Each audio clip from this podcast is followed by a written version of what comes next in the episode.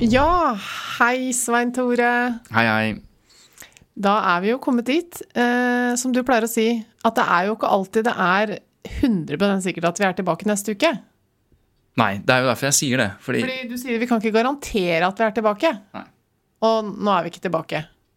Nei, det høres jo sånn ut, Ja. men vi er ikke det. Vi har rett og slett ikke eh, hatt tid til å lage en episode. Det høres jo useriøst ut, Det det. eh, fordi vi, det, vi driver jo med dette her. Vi skulle gjort dette hver uke, men det har skjedd noe.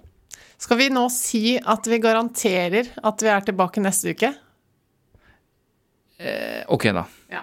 Men du, vi kan jo bare si, siden vi er liksom en nyhetspodkast på et vis, da, at eh, det har jo skjedd mye denne uka her.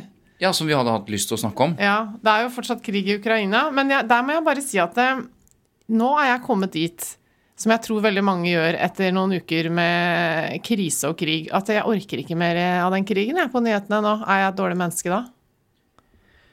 Eh, litt. Ja. Fordi det viser jo at uh, du bare ikke orker eller gidder, eller at du blir uh, habituert, som man sier i psykologien. Altså Man blir så vant til denne støyen at man legger ikke merke til det lenger. Nei, du er ikke noe dårlig menneske, men, men eh, vi er jo helt avhengig av at vi fortsetter å holde liksom, fokus på det som er viktig, da. Ja, ja, og det mener jeg jo det er bra at journalistene gjør. altså. Heldigvis er det fortsatt masse norske journalister på plass eh, i Ukraina osv. Men eh, nei, det er jo ikke så veldig mange ukene siden jeg liksom satt hele livet på pause mellom 1830 og 1930 for å få med meg alt som eh, skjedde. Der er jeg ikke helt lenger nå, da. Men hva ellers har Molde har blitt norgesmester i fotball, har det ikke det? Ja, det var det ingen som fikk med seg, Nei, ikke jeg i hvert fall. Men de ble det. Ja, de ble det. Og så har jeg så vidt skjønt, jeg har jo hatt litt med øret, har ikke fulgt med så mye som jeg pleier på nyhetene, men Vedum har jo da gått opp i matte VK1 på Stortinget og strøket, er det riktig? Ja, det tror jeg er ganske presist. Altså, han har tegnet et regnestykke. Eh, fra et sånt mediesynspunkt så er det jo interessant eh, at debatten fortsetter å bruke virkemidler som er eh, originale i, i, i håp om å nå flere folk. Altså, de, det var full eh, liksom over, ikke overhead, men sånn derre whiteboard-tegning og skriving med tusj eh, i beste sendetid. Det var Ja. helt absurd å se Ja. på. Men gøy, for så vidt.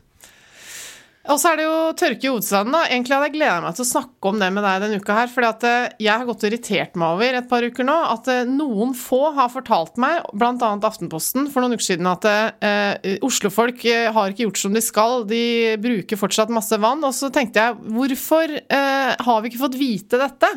Altså, det har vært vannkrise i Oslo-området nå i lang tid, og så har ikke Oslo kommune klart å kommunisere det ut, og heller ikke avisene.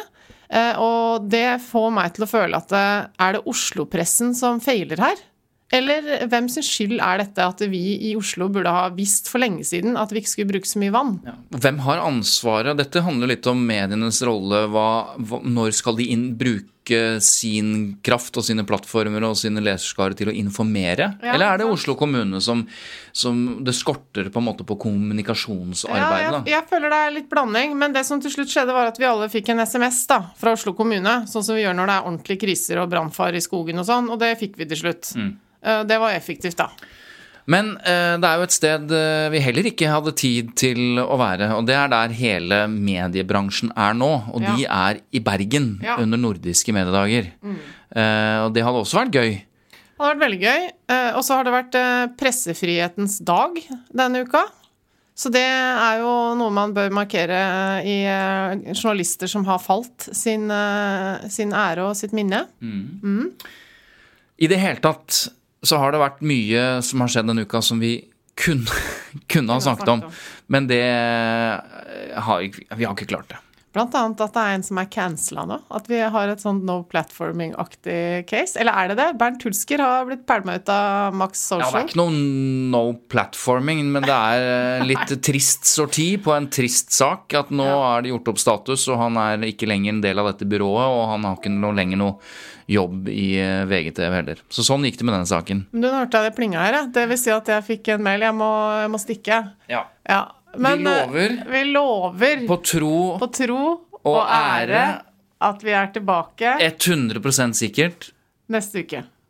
Ok, Men da må vi. Da må vi. Okay. Ikke forlate oss nå da, venner. Vi kommer. Men jeg Tilbake. tipper at det er et par av lytterne som ikke har hørt alle de siste episodene knyttet til Scoop og mediekjør. Så Ja. hvis dere ikke har gjort det, hør de. Og ikke minst Så kan dere faktisk høre, eh, vi legger ut en lenke på Facebook-siden vår også, eh, flere lignende episoder som Scoop selv har laget eh, om andre Scoop-caser som er veldig lytterverdige. Så vi legger ut en lenke, så kan dere kose dere med den denne uka her. Og helt til slutt, når vi har hatt disse episodene om Scoop, så har vi jo vært veldig skal vi si, hyllende til pressen, den viktige jobben de gjør. Så nå når vi Det er er det slutt på nå! ja, nå, nå skal vi bli mer kritiske igjen.